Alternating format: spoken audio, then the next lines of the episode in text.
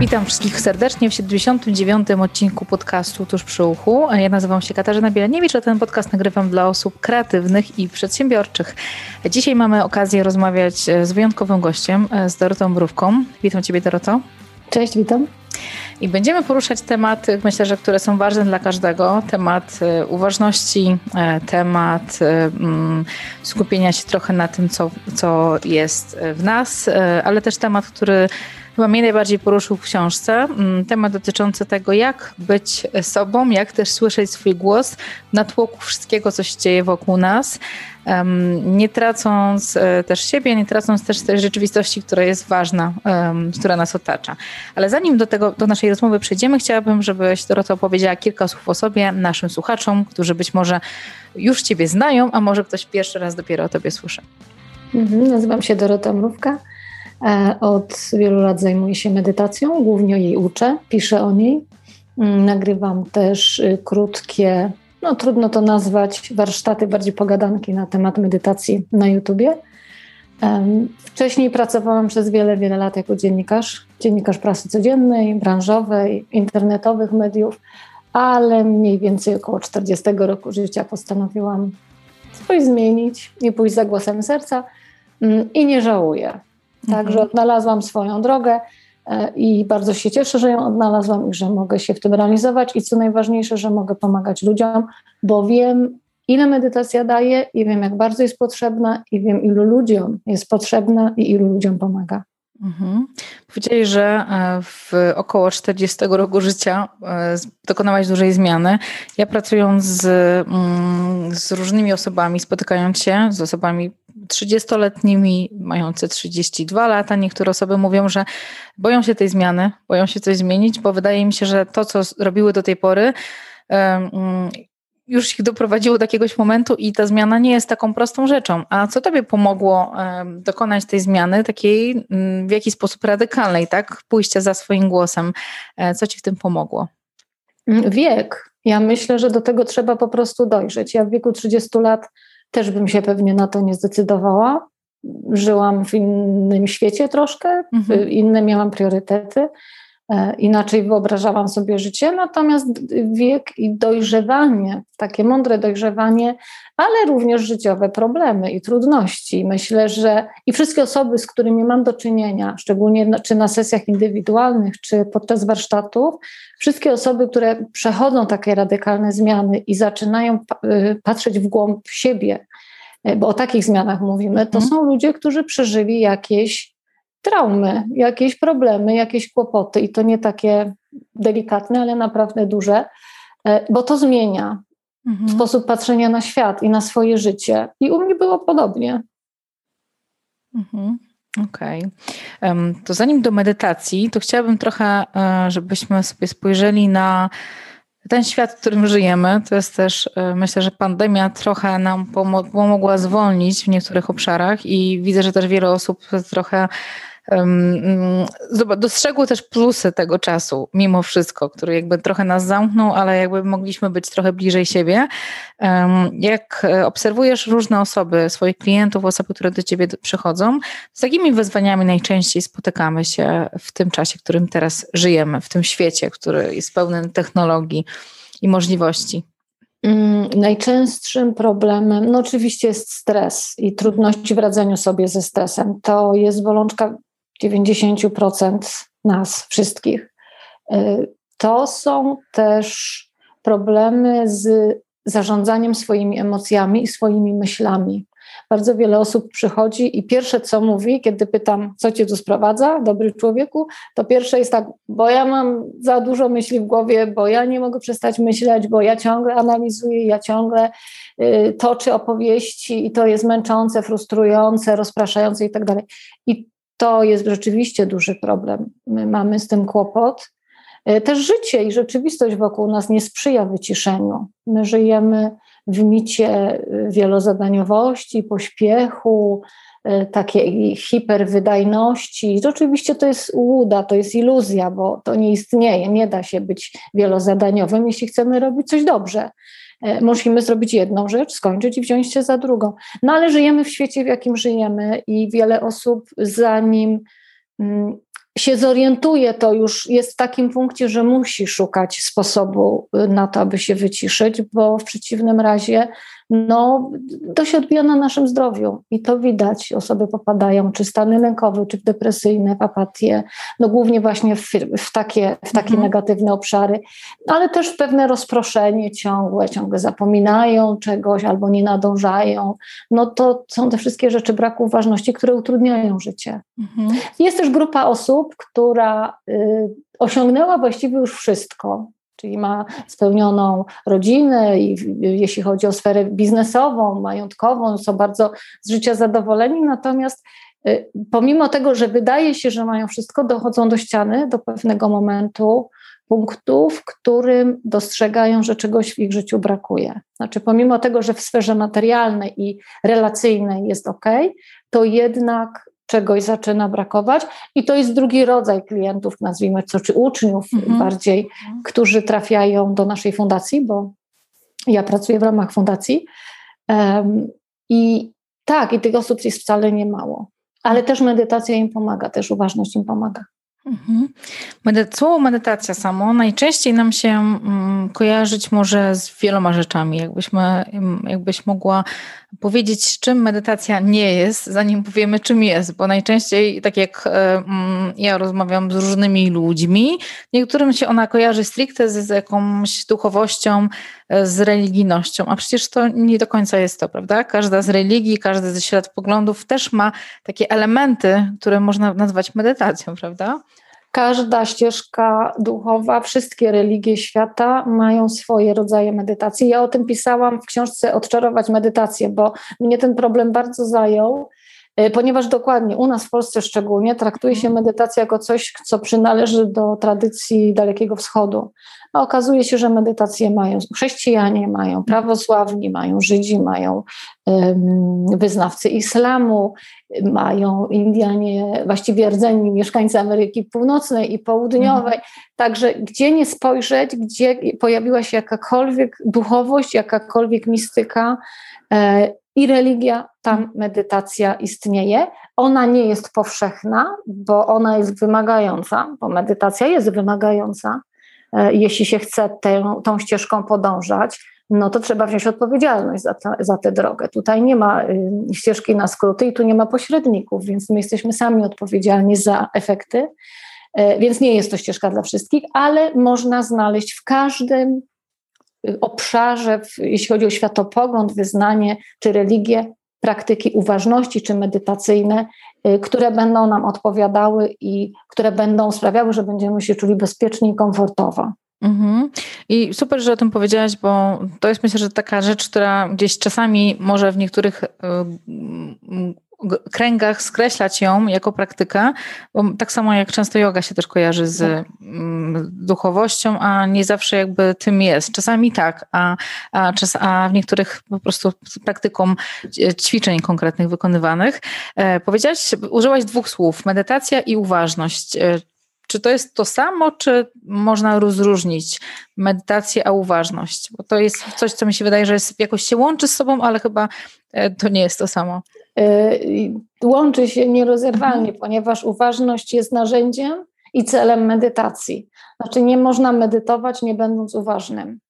A będąc uważnym, mm, łatwo się medytuje, lepiej się medytuje. E, stąd to też jest ostatnio bardzo modne pojęcie mindfulness, czyli to mhm. tak naprawdę nasza polska uważność. Troszkę techniki mindfulness widzę teraz y, się różnią od medytacji, są w moim odczuciu troszkę bardziej techniczne, ale mhm. to nie ma znaczenia. I ja uważam, że i mindfulness, i uważność, i medytacja to jest zbiór ten sam. To jest dokładnie to samo nazwane różnymi słowami. Jest nas wielu na świecie, każdy z nas inaczej podchodzi do rzeczywistości, inaczej ją odbiera i dlatego te formy są różne, e, rodzaje są różne, natomiast e, i cel, i tak naprawdę ta droga są identyczne, są tożsame ze sobą. Mhm. I to też jest praktyka taką, którą, praktyka, którą mogą stosować także dzieci, tak? Bo ja pamiętam, jak e, moje dzieci miały taki etap, kiedy ja potrzebowałam trochę ich w jakiś sposób pomóc im się wyciszyć, e, swoje emocje i jest taka książka Spokój i uważność żabki bodajże, której też są takie fajne, bardzo krótkie i e, dla dzieci czasami za długie, ale praktyki, których mogą, mogą korzystać. Mm, ale okej, okay, jakby wróćmy do tej medytacji. Powiedziałeś, że to też nie jest praktyka dla wszystkich, bo jest e, praktyką wymagającą. Mm, co to znaczy? Z czym najczęściej jak ktoś próbuje albo chce spróbować e, tego rodzaju mm, praktyki, z czym najczęściej się musi zmierzyć na początku? No, medytacja wymaga konsekwencji, uczciwości wobec siebie i cierpliwości. Mhm. Tutaj się nic nie dzieje na słowo, tutaj nie ma efektów y, natychmiastowych. Ja się zawsze śmieję, że my żyjemy w czasach, gdzie wszystko chcemy mieć szybko na już i na wczoraj, i tak medytacja nie działa. E, I nie można mieć oświecenia instant na trzydniowym kursie weekendowym, to tak też nie działa. E, nie da się wymedytować na zapas, więc jeśli ktoś nie jest gotowy do tego, aby poświęcić codziennie odpowiednią ilość czasu e, na medytację i na praktykę, no to prędzej czy później przestanie y, praktykować i medytować, bo nie będzie żadnych efektów. Natomiast ludzie, którzy poświęcają temu rzeczywiście czas i uwagę i są konsekwentni i, niepo, i, i cierpliwi, nie spieszą się z tym, to tak naprawdę po miesiącu, dwóch już widzą efekty. Więc to na pewno, więc paradoksalnie, im mniej oczekujemy, tym szybsze efekty są i tym są większe. A im bardziej się napinamy, im bardziej się staramy, im bardziej dążymy y, do tak zwanego celu, y, no tym on się bardziej oddała. I gonimy króliczka i tak trwa zabawa latami, a jakby efekty są żadne, bo też mnie często ludzie na, na warsztatach pytają, no dobrze, ale czy ja dobrze medytuję, czy, po czym ja poznam, że ja dobrze medytuję? No jest, ja znam jedną odpowiedź. Jeżeli Twoje życie zmienia się na lepsze, jeżeli lepiej radzisz sobie z problemami, z nerwami, stresem, e, lepiej radzisz sobie w, w relacjach i w trudnych sytuacjach, to znaczy, że dobrze medytujesz. Jeśli poświęcasz na medytację 8 godzin dziennie i nic się w Twoim życiu nie zmienia, to lepiej idź na rower, albo pobiegaj, albo idź popływaj, albo przeczytaj książkę, bo tracisz czas. Mhm. Czy jakby rozumiem, że ten cel nie jest tak istotny jak ta droga, tak, która e, nas do tego celu prowadzi.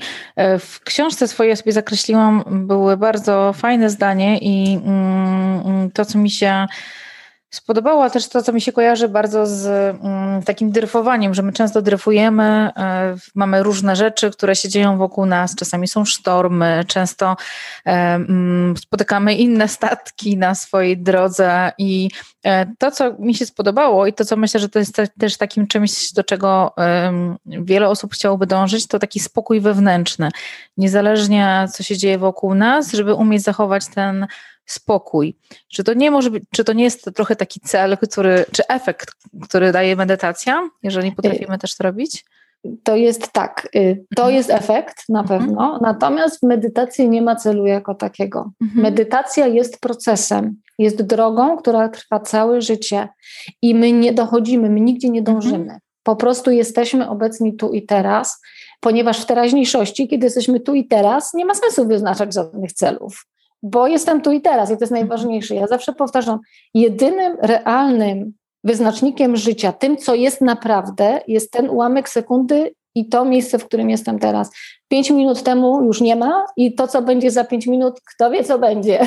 Więc tyle scenariuszy, ile możliwości, jak wielki wszechświat. Więc to, co jest, jest, obec, jest w, w teraźniejszości. My, będąc uważnymi, Y, skupiamy się na tym, co jest, skupiamy się na tym, co się dzieje w nas, co się dzieje wokół nas. W związku z tym nie ma sensu stawiać sobie celów. To samo wszystko, efekty przychodzą, ale i to troszkę brzmi dziwnie, szczególnie dla, dla nas żyjących w XXI wieku w Polsce, kiedy jesteśmy mocno nastawieni na cel. Musi być konkret też. Musi być rzecz. cel, bo jak nie ma celu, to w ogóle. No i dlatego też na przykład ja nie, nie, prowadzę warsztatów dla firm, chociaż często mam zapytania, czy nie poprowadziłabym warsztatów medytacji, no ale co ja im powiem? Porzućcie cele, nie wyrzucą stamtąd. Jest inna perspektywa, inne priorytety, więc, ale paradoksalnie, będąc tu i teraz i nie wyznaczając y, celów, znaczy inaczej, nie warunkując swojego szczęścia od realizacji celów, bo to jest, bo ja oczywiście też mam pewne plany na przyszłość. Ja mam zapełniony kalendarz zadaniami, które chcę bądź muszę wykonać, więc to ja nie, nie, nie zachowuję się jak wioskowy głupek, który żyje z dnia na dzień i w ogóle nie wie o co chodzi. Natomiast to, czy ja to zrealizuję, czy nie, nie ma znaczenia. Znaczenie ma to, że ja to robię najlepiej, jak potrafię. Efekt będzie, jaki będzie, a czasami go nie będzie. No też tak jest, ale ja się nie będę cięła z tego powodu, że poszło nie tak, jak chciałam, albo w ogóle spaliło na panewce.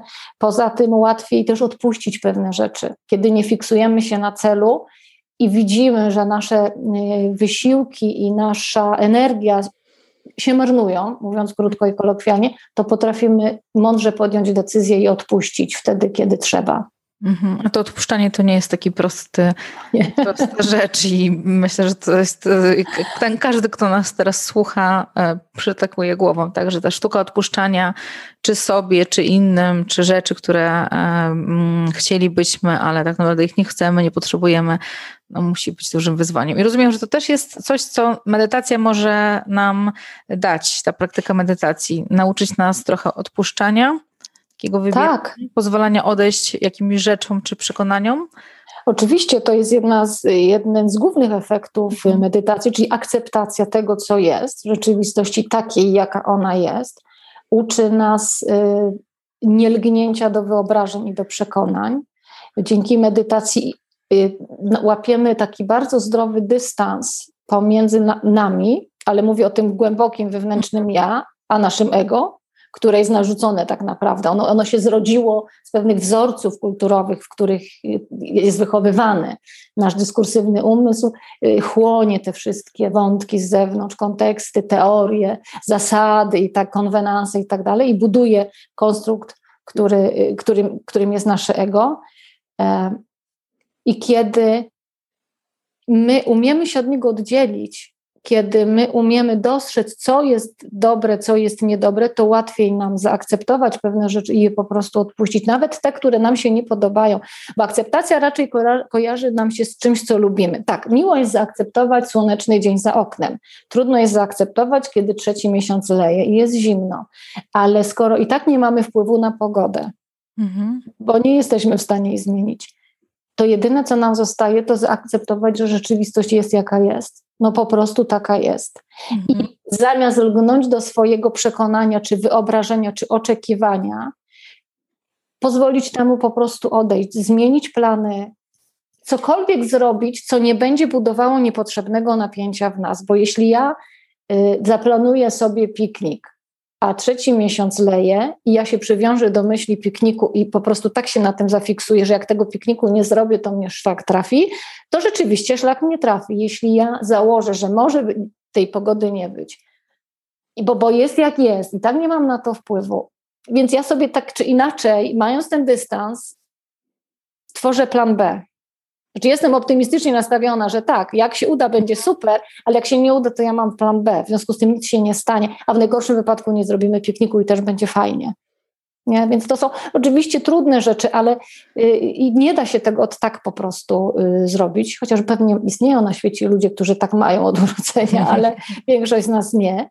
Ale medytacja jako jedyne znane mi narzędzie, być może istnieją inne, ale o tym nie wiem. Natomiast medytacja rzeczywiście uczy nas akceptować, uczy nas bycia cierpliwymi i uczy nas odpuszczać bez poczucia krzywdy. Mhm. Bo my odpuszczając nie stajemy się, no to jest częsty taki argument i zarzut, to jak ja będę wszystko odpuszczać, to ja będę takim, taką sierotą, takim popychadłem, takim luzerem, który nic nie potrafi zrobić i tak dalej. Nie, to właśnie tak nie jest. To jest umiejętność mądrego, rozumnego podejmowania decyzji.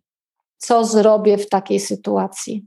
I czy zrobię to z większą czy mniejszą krzywdą dla siebie, a być może z korzyścią. Mhm. E, tak jak słucham też Ciebie o tym, o czym mówisz, e, to myślę sobie o tym, że my też często jesteśmy, um, trudno nam się odkleić od innych ludzi, którzy są wokół nas, krążą, gdzieś dryfują, od ich potrzeb, ich przekonań, ich marzeń, ich celów. I ja mam też czasami takie wrażenie, że my jesteśmy za blisko innych, żeby usłyszeć swój głos, tak, siebie w jakiś sposób. Um, I powiedziałaś jeszcze o, e, na początku też o, o tym, że często osoby, które do ciebie się zgłaszają, e, ale też myślę, że każdy z nas, e, temat emocji to jest taki temat bardzo niewygodny, bo emocje nam często przeszkadzają w życiu, bo mamy, bo chcielibyśmy być silni, mocni, nie przejmować się pewnymi rzeczami, a są te emocje. I jak pamiętam, też będzie gościem moim niedługo Karina Tomczyk, która jest wykładowcą psychologii e, na katedrze psychologii pozytywnej i mówiła o tym, że my jako ludzie jesteśmy bardziej e, homo, przepraszam, emo sapiens, tak, niż homo sapiens, czyli bardziej te emocje są czymś charakterystycznym dla nas niż umysł, bo ten umysł się pojawił dużo później, jak sobie spojrzymy na e, ewolucję człowieka, tak, i te emocje są czymś takim bardzo korowym, też elementem powiedzmy, że bardziej zwierzęcym, który nas do zwierząt bardziej upodabnia. I coś, co jest trudne dla wielu osób. I teraz myślę, że o tyle, o tyle pozytywnie, że coraz częściej gdzieś dostajemy pozwolenie, e, też takie społeczne, żeby skorzystać z porady kogoś specjalisty w obszarze emocji. I chciałam zapytać, jak medytacja wpływa na emocje? Co my, jako osoby, które potencjalnie mogą skorzystać z tej praktyki i wejść na tą ścieżkę, mm, spróbować nawet chociażby, e, co mogą uzyskać poprzez e, mm, właśnie praktykę medytacji, jak te emocje mogą tutaj ewoluować.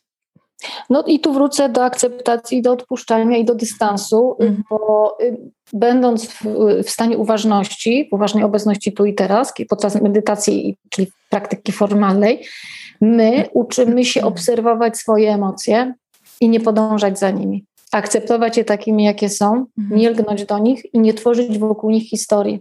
To samo dotyczy myśli.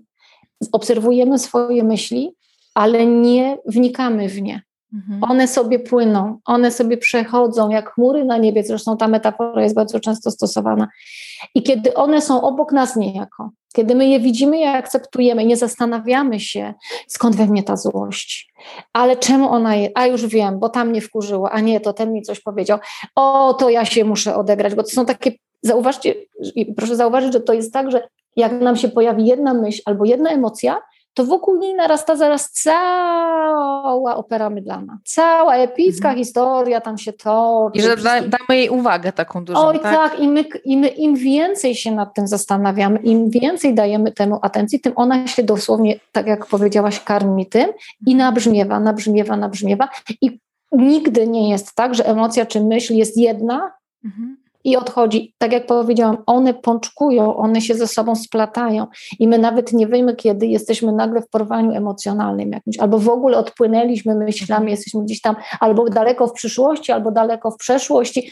Na pewno nie jesteśmy tutaj, a nasze ciało reaguje dokładnie tak, jakbyśmy, jakby to się działo mhm. rzeczywiście, ponieważ dla umysłu nie ma znaczenia, czy my, my funkcjonujemy w świecie realnym, czy w świecie wirtualnym nasze ciało reaguje dokładnie tak samo na stres, lęk, wstyd, strach i radość, wszystkie inne emocje, bo, no bo tak jesteśmy skonstruowani. Więc dlatego ta uważność jest tak potrzebna, aby się nie chcę powiedzieć blokować, bo absolutnie w czasie medytacji nie blokujemy się na emocje. My raczej je pozwalamy im być, przyglądamy się im, nie oceniamy ich, nie zastanawiamy się nad nimi, tylko je obserwujemy.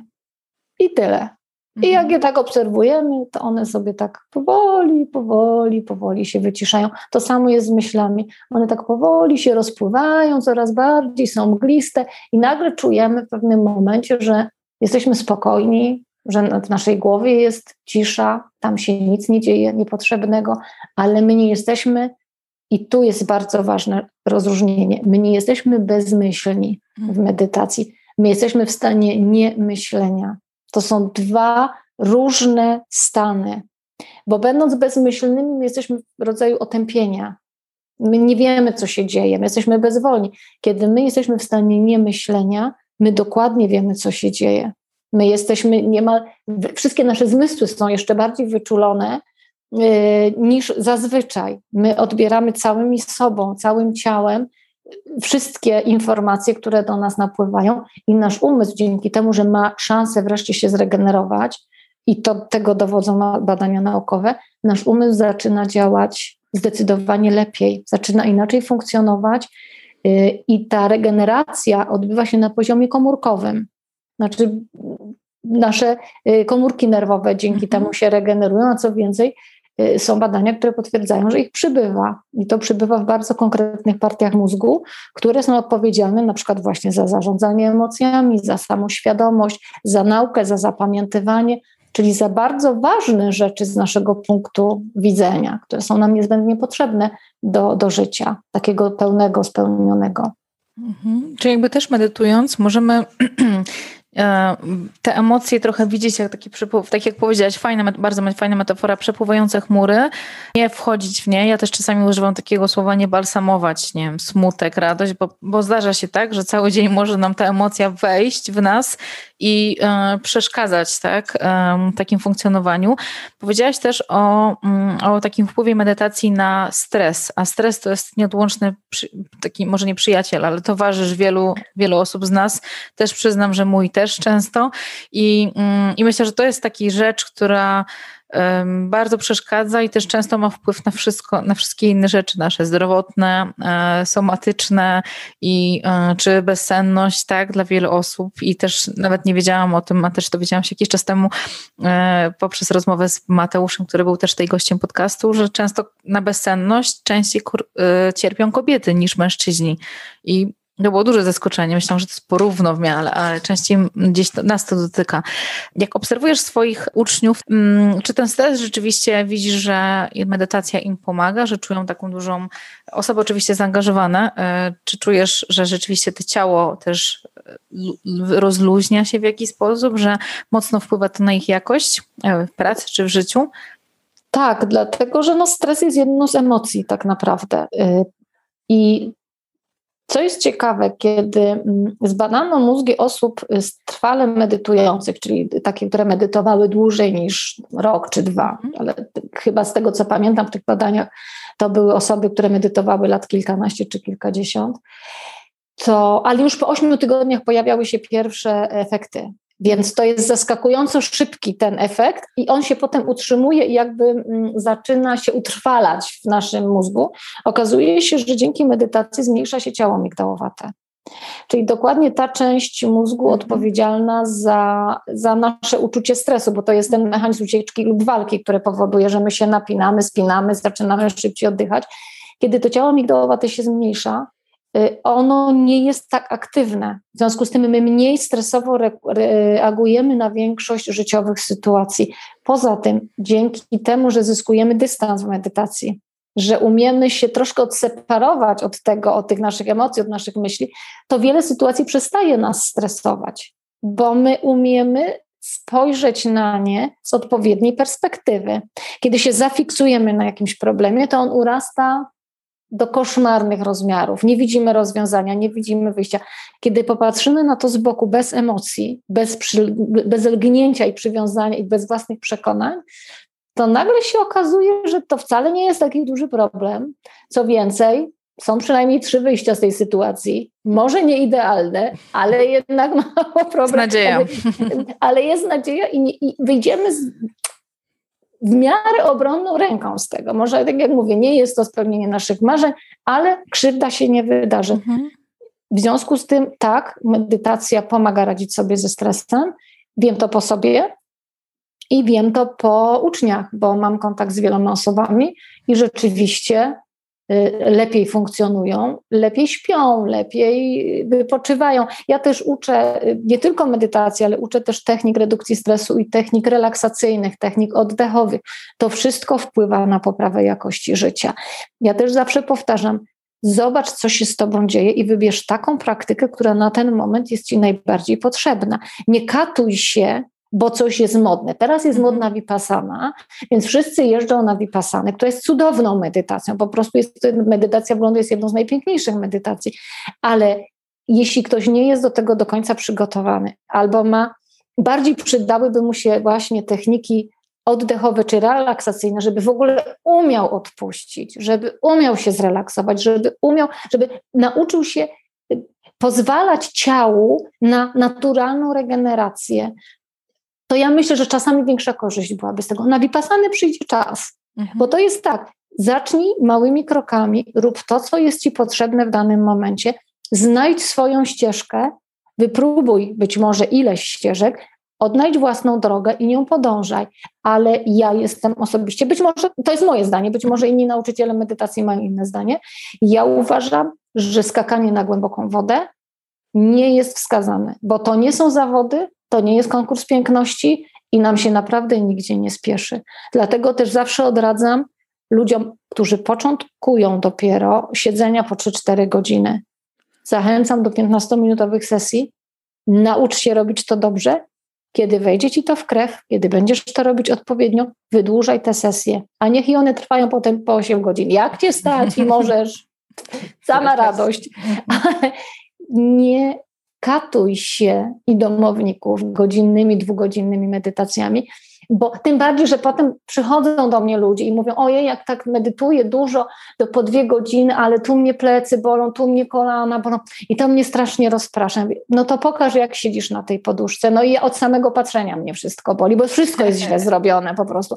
Ja mówię, no jak ty chcesz medytować, jak ty chcesz się wyciszyć, jak ty walczysz z grawitacją, walczysz z bólem, pogłębiasz lordozę, krzywdzisz swoje kolana, które są tam po niejednej kontuzji, więc nie ma opcji, żeby dobrze medytować. No chyba, że ktoś jest masochistą, no to może to jakąś przyjemność mu sprawia. Nie takie jest podejście do medytacji. To jest organiczne. To musi wynikać jedno z drugiego.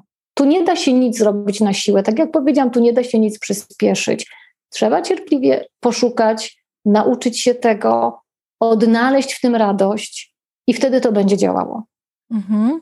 Powiedziałaś też w trakcie, bo myślę, że to jest e, też mm, taka ważna rzecz, żeby też nie zrażać się na początku i, i robić te rzeczy małymi krokami. Ja pamiętam e, moje kiedyś podejście, może nie do medytacji, ale do podobnej formy. I wiem, że to, co było dla mnie najtrudniejsze, to e, właśnie myśli, które były, tak, żeby też w jakiś sposób się wyciszyć. Tych myśli było dużo i one gdzieś krążyły cały czas wokół e, i mm, to było gdzieś jakieś wyzwanie. Też w swojej książce piszesz o czymś, co się nazywa myślokształty. I chciałam cię zapytać, bo myślę, że to jest, może być takie pojęcie e, nieznane dla wszystkich. Czym są te myślokształty? Myślokształty to, to jest właściwie polska nazwa, polski mhm. odpowiednik Matrixa. Wszyscy, którzy widzieli film, wiedzą o co chodzi. Ci, którzy nie widzieli, to spieszę wyjaśnić. Myślokształty to są pewne rzeczywistości, które tworzymy w naszych głowach. E, pewne iluzje, tak naprawdę, które tworzymy w naszych głowach, one powstają z naszych przekonań, mhm. z naszych doświadczeń, z naszych wyobrażeń i oczekiwań. I my te wyobrażenia, te myślokształty bierzemy za realną rzeczywistość. My uznajemy, że tak jest. E, a nie zdajemy sobie sprawy, że każdy z prawie 8 miliardów ludzi żyje w swoim wszechświecie, swoich myślokształtów. I on też uważa, że tak jest. I im bardziej my do tych myślokształtów lgniemy, im bardziej utożsamiamy je z rzeczywistością, tym więcej mamy problemów. Tym trudniej nam się dogadać z drugim człowiekiem, tym trudniej nam odpuścić, tym trudniej zmienić przekonanie. A przecież na tym polega rozwój. My z, z, przemieszczając się na tej ścieżce wewnętrznego rozwoju czy duchowego rozwoju, porzucamy stare przekonania, stare poglądy, bo one już nie pasują, tak przepoczwarzamy się, wchodzimy w nowe rzeczy i one po jakimś czasie też się okazują zdezaktualizowane, więc znowu je porzucamy i nie ma w tym nic złego, to jest naturalny proces, ale dopóki siedzimy właśnie w tych swoich bańkach myślokształtów, no to trudno jest y, dokonać jakiejkolwiek większej zmiany. Znaczy będzie zmiana tylko na tyle, na ile pozwoli nam ta bańka. Kiedy dojdziemy do jej granicy, to, to wtedy już nie postąpimy do przodu ani kroku. Ale jakby tym pierwszym elementem jest też uświadomienie sobie pewnych rzeczy, prawda? Okej, okay, powiedzieliśmy sobie o takich zaletach e, też medytacji, czym jest, jakimi mitami się możemy spotkać na jej temat. Mm, też podać kilka takich przykładów, jak e, rzeczywiście to pomogło swoim uczniom. E, to może od czego warto zacząć? Jak mm, co taka osoba, która nas słucha i myśli sobie, okej, okay, chętnie spróbuję, czuję, że to może być coś, co może być dla mnie przydatne, co mogłabym, mógłbym dodać do e, mojego życia, moich praktyk, bo wiem, że wiele osób, które słuchają też tego podcastu i czytają książki, afirmują i uprawiają sport, niektórzy, e, każda rzecz jakby daje coś im innego. Od czego tak. warto zacząć? Czy zrobić to samodzielnie, czy korzystając z pomocy nauczyciela? Też są różne aplikacje, które pomagają w medytacji. E, co ty polecasz na początek? Powiem o moim doświadczeniu, o mhm. tym, jak ja to rozumiem, jak ja uczę. Um, każda droga jest dobra. Tak jak powiedziałam, różnimy się mhm. między sobą, więc różnie przyswajamy wiedzę, natomiast na pewno warto najpierw nauczyć się technicznych rzeczy, które ułatwią nam praktykę, a nie będą przeszkadzać. Czyli dobrze jest nauczyć się kilku technik relaksacyjnych, kilku technik koncentracji, bo kiedy nie będziemy mieli, umieli się koncentrować, nie pomedytujemy. To jest to, o czym ty mówiłaś kiedy siadasz i nie umiesz się koncentrować, to te myśli tam zaiwaniają jak pijany zając. Dlatego ćwiczenia koncentracji są bardzo dobrym ćwiczeniem dyscyplinującym rozbiegany umysł. Więc dobrze poznać kilka takich ćwiczeń, dobrze poznać kilka technik oddechowych, dwie, trzy, ponieważ w medytacji my również używamy określonego rodzaju oddechu. Medytacja jest połączeniem tego, co pasywne, z tym, co aktywne. Y, aktywne aktywna powinna być nasza pozycja. Czyli kiedy my siedzimy na poduszce czy na krześle, to my nie spływamy po tym krześle czy po tej poduszce. Nasza sylwetka musi być wyprostowana, ale nie napięta. Dlatego ja jestem przeciwniczką medytacji należąco. Należąco wykonuje się techniki relaksacyjne, bo wtedy ciało jest roz, luźnione, umysł jest rozluźniony, regeneruje się układ nerwowy, wydzielają się inne hormony i tak dalej. I osoby cierpiące na bezsenność takie ćwiczenia mogą robić sobie w łóżku przed snem i po I prostu po 15-10 minutach dokładnie, 50 mhm. minut śpią jak dzieci. I wiem to też od ludzi, którzy chodzą na nasze warsztaty, bo to już też przerobiliśmy i nawet osoby, które musiały brać leki nasenne, okazało się, że relaksacja jest mhm. równie dobra. Ja zawsze zasypiam na um, relaksacji szulca, tak? Często Dokładnie, trening autogenny szulca, to jest świetna, świetna technika, dokładnie tak. I to jest jedno z tych narzędzi, które można wykorzystać. Zresztą we wszystkich e, praktykach e, tych takich duchowych, nazwijmy to, te ćwiczenia e, relaksacji się pojawiają. Mhm. Mm, no więc wracając do tematu, czyli relaksacja, koncentracja, oddech. Dobrze jest też nauczyć się dobrze siedzieć. To, co powiedziałam wcześniej, ciało nieprzyzwyczajone nieprzygotowane do siedzenia na poduszce, czy w nieporuszeniu, y, czy na poduszce, czy na krześle, będzie protestować, będzie się nudzić, będzie próbować y, walczyć. Więc im wygodniej usiądziemy, im lepiej ustawimy pozycję, tym będzie nam łatwiej. Poza tym nie zrobimy sobie krzywdy. Jeśli ktoś przez godzinę siedzi na poduszce i pogłębia lordozę, z którą i tak ma problem, no to po godzinie takiego siedzenia zrobi sobie jeszcze większą krzywdę. Więc warto zwrócić uwagę na takie BHP, na takie podstawy, które potem pomogą nam w praktyce, bo my eliminujemy przeszkody dzięki mhm. dobremu przygotowaniu i im więcej tych przeszkód wyeliminujemy, tym łatwiej nam będzie potem medytować. Mhm. Oczywiście można sięgać do książek, można sięgać do y, takich prowadzonych medytacji, też których jest bardzo wiele, czy na YouTubie, czy jakichś na płytach ponagrywanych. Y, można skorzystać z doświadczenia nauczyciela, no bo on już to przeszedł, mhm. więc poradzi na bieżąco, bo wszyscy przechodzimy przez te same etapy, więc będzie mógł na bieżąco reagować i y, korygować pewne rzeczy ale chyba nie ma jakoś, nie mam jakiejś jednej, jednej, jednego sposobu na to, który bym rekomendowała. Każdy mhm. musi sam dokonać wyboru, co jest najlepsze. Na pewno kontakt z żywymi ludźmi, czy z grupą, czy z nauczycielem, na jakimś etapie będzie przydatny, bo skoryguje nasze błędy. Mhm. Bo jeśli robimy to sami, to nie, nie, niemożliwe jest, żeby uniknąć y, popełnienia błędów, więc warto czasami to. Y, skonfrontować z innymi. A to myślę, że to jest bardzo ważne to, co powiedziałaś, bo ja nawet ostatnio byłam na e, takich zajęciach terapii tańcem. E, trochę tak, to jest też spontaniczny taniec, też się chyba też można powiedzieć nazywa. E, I rzeczywiście jakby duży element osoba, która prowadziła te warsztaty, przykładała do siedzenia. Tam też różne były wałki, których można było skorzystać. I rzeczywiście y, my często nie jesteśmy świadomi naszego ciała, bo nie mamy takiego czasu, żeby usiąść po prostu i sobie zobaczyć, czy mi jest wygodnie, czy y, jak siedzę, czy po turecku, czy w ten sposób. I to jest ta jedna rzecz. A druga rzecz to też myślę, że ten oddech, mm, coś, co jest najbardziej chyba oczywiste dla każdego z nas, nie jest też taką prostą rzeczą, żeby prawidłowo oddychać, prawda? Nie jest prostą, dopóki nie jesteśmy uważni. To samo jest z ciałem. Kiedy nauczymy się uważności, kiedy nauczymy się być tu i teraz, to jesteśmy świadomi swojego ciała w każdym momencie. Tak samo jak jesteśmy świadomi swojego oddechu w każdym momencie. A nawet jeśli y, umknie nam to, to bardzo szybko wracamy y, uważnością i możemy skorygować w razie potrzeby. I to, te, tego uczy medytacja, ale to, tego uczy też yoga, tego uczy też tai chi, tego uczą wszystkie mhm. praktyki, które gdzieś mają ten wewnętrzny aspekt. I wtedy, kiedy nauczymy się tej, kiedy złapiemy to, o co chodzi w uważności, to potem bardzo łatwo jest tak naprawdę wprowadzić to w życie. I ta uważność, o której mówisz, czy ciała, czy oddechu, czy tego, co się dzieje wokół nas, zaczyna być czymś naturalnym, zaczyna być bezwysiłkowa, ona po prostu jest. Okej, okay, czyli jak sobie myślimy o tej medytacji, to co robimy w trakcie takiej medytacji? Czy mamy nic nie robić, czy mamy o czymś myśleć, jak zaczynamy, tak? Bo też, e, no, tak jak sama powiedziałaś, każdy z nas jednak jest osobą, która e, musi mieć jakiś plan, albo chociaż wiedzieć zarys, czym ma się zajmować w trakcie. E, przez te 15 minut pierwsze, które polecasz, żeby to był ten czas. Dużo jest różnych technik i też y, mhm. zauważyłam, zauważyliśmy na warsztatach, które prowadzimy, że to, co dla jednych jest super, dla innych jest nie do przyjęcia, więc też należy dokonać wyboru y, samodzielnie i rozumnie. Co my robimy w medytacji? No de facto nic nie robimy, po prostu no jesteśmy tu i teraz.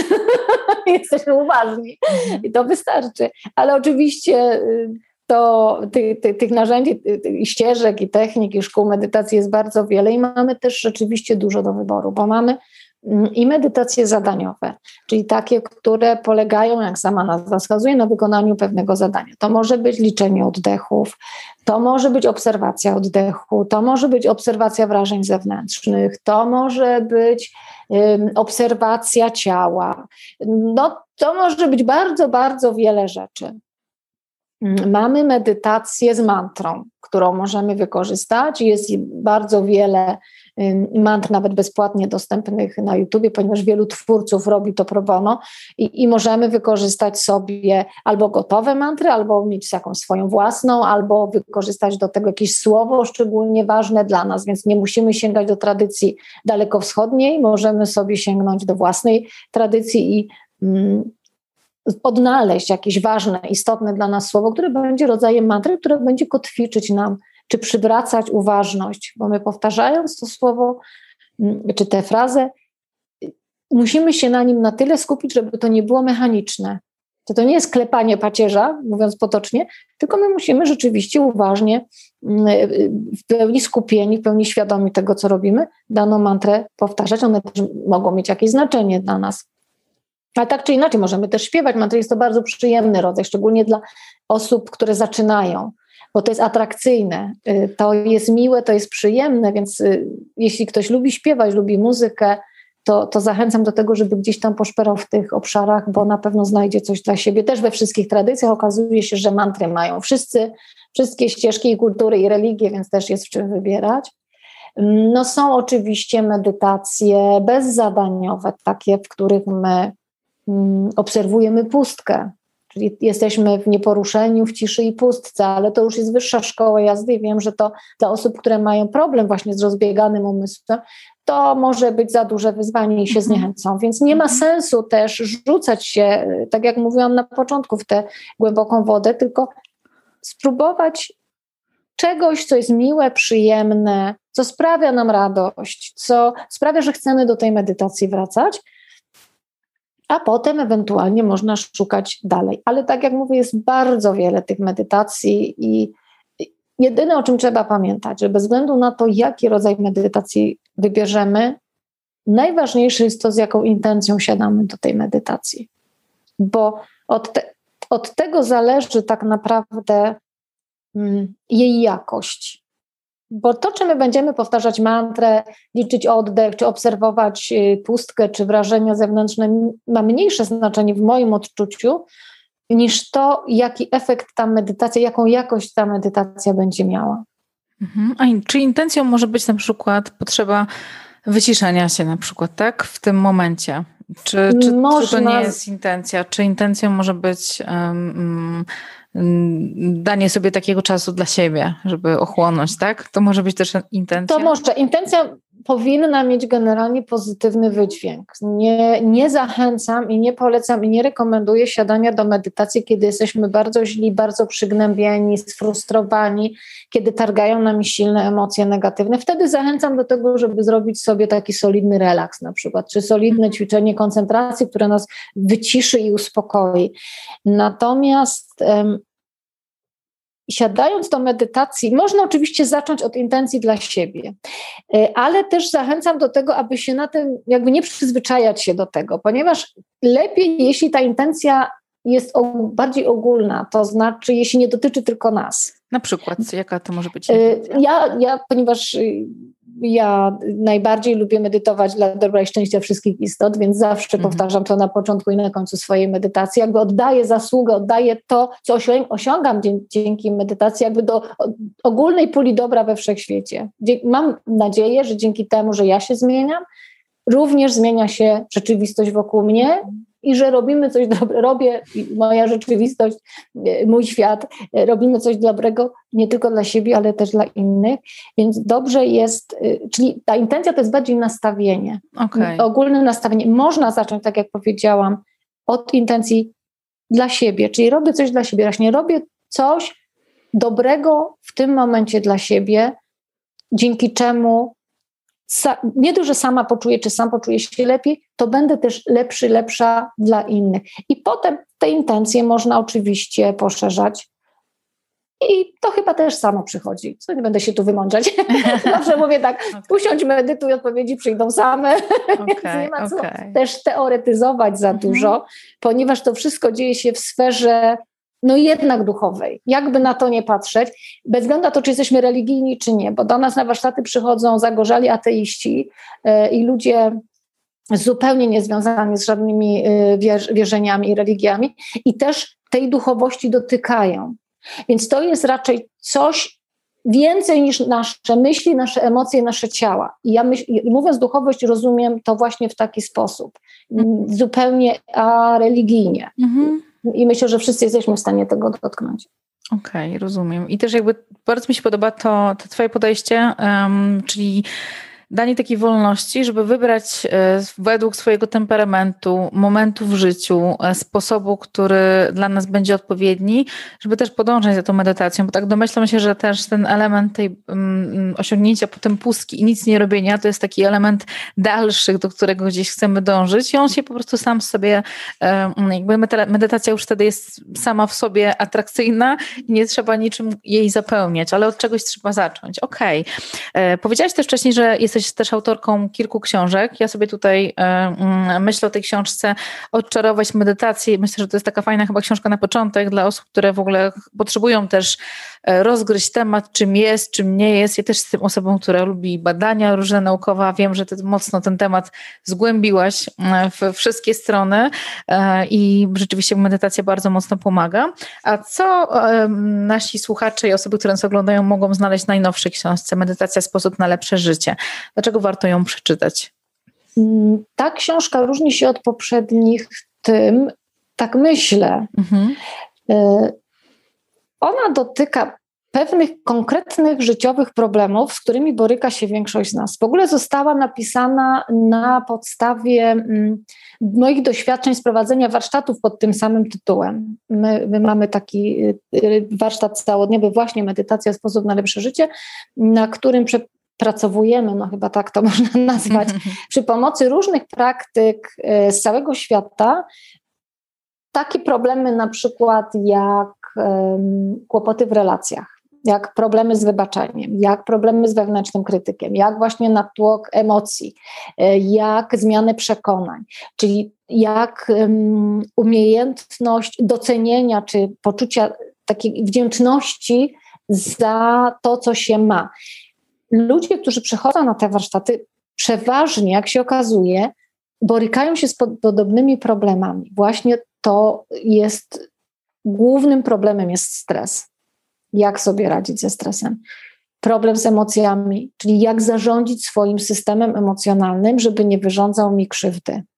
Co robić, kiedy mnie ogarnie strach, gniew, frustracja, zniechęcenie, no, oczywiście przepracowujemy negatywne emocje. No, te, te, pozytywne zostawiamy na potem, bo mhm. też trzeba być świadomych, że wszystkie emocje są ulotne, czy dobre, czy niedobre. One po prostu są i odchodzą, znikają, więc nie ma sensu się przywiązywać do żadnej z nich. Ale oczywiście skupiamy się na, na warsztatach i w tej książce również skupiamy się na, na tym, jak sobie poradzić z tymi, poradzić z tymi męczącymi, negatywnymi, wyniszczającymi emocjami. Y, jest tam, mogę zerknąć, bo nie pamiętam. Jasne, jasne, oczywiście. Co ja to napisałam jeszcze?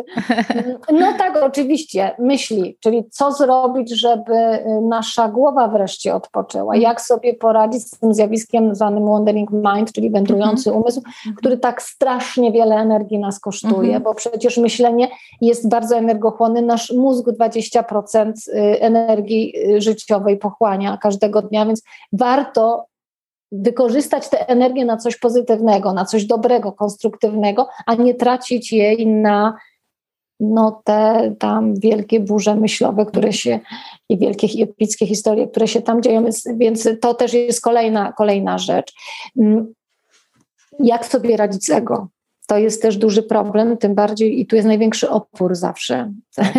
I to jak tylko mówię o tym, że można odpuścić ego i się z niego uwolnić, to zaraz słyszę nie, nie, nie, nie, nie można, nie można. Nie, bo przecież zaraz przyjdzie cwaniak i nas wykorzysta. No więc nie, ja się z tym nie zgadzam. Uważam, że można spokojnie, z korzyścią dla siebie wyzwolić się ze swojego ego. Co więcej, uważam, że ego jest powodem naszych największych problemów i dopóki się z nim utożsamiamy, dopóty te problemy trwają. Mhm. Kiedy nauczymy się izolować od tego twora, y, od, y, od kiedy będziemy umieli nim zarządzić, mm, to wtedy to wszystko staje się prostsze i mniej bolesne. Więc to jest kolejna taka rzecz. No i przekonania, które wynosimy z domu, ze szkoły, z podwórka, z pracy, z kręgu znajomych, które tak bardzo wpływają na nasze życie, na to, jak postrzegamy wiele rzeczy i które bierzemy za swoje. I to jest najgorsze, ponieważ nie potrafimy uwierzyć, że 90% przekonań, które mamy, w ogóle nie są nasze.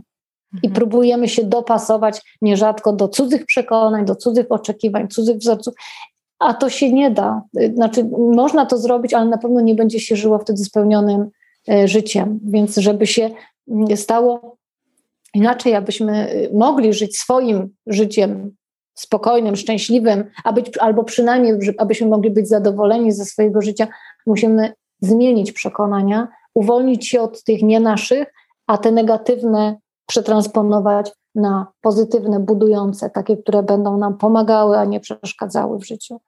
To, to, to są takie główne problemy, z którymi wszyscy się borykamy i mm, ponieważ wiem, że warsztat działa, y, to postanowiłam wykorzystać to doświadczenie, aby spisać to w książce. Nie każdy może przyjechać na warsztat, nie każdy ma czas, możliwość, więc przynajmniej w taki sposób mogłam to puścić dalej w świat. Mhm. Bardzo też, ja przyznam szczerze, że też bardzo, bardzo dobrze się tą książkę czyta, bardzo dobrze, bo to nie jest poradnik, e, tylko to jest rzeczywiście opowieść, historia, też zaczynasz od swojej opowieści o sobie jako dziewczynce i ja Wam bardzo też serdecznie polecam. Będzie można oczywiście też w dzisiejszym podcaście e, mm, wygrać, odpowiadając na pytanie konkursowe, które będzie w odcinku do podcastu e, książki mm, Doroty, tą właśnie najnowszą pozycję Medytacja, sposób na lepsze życie.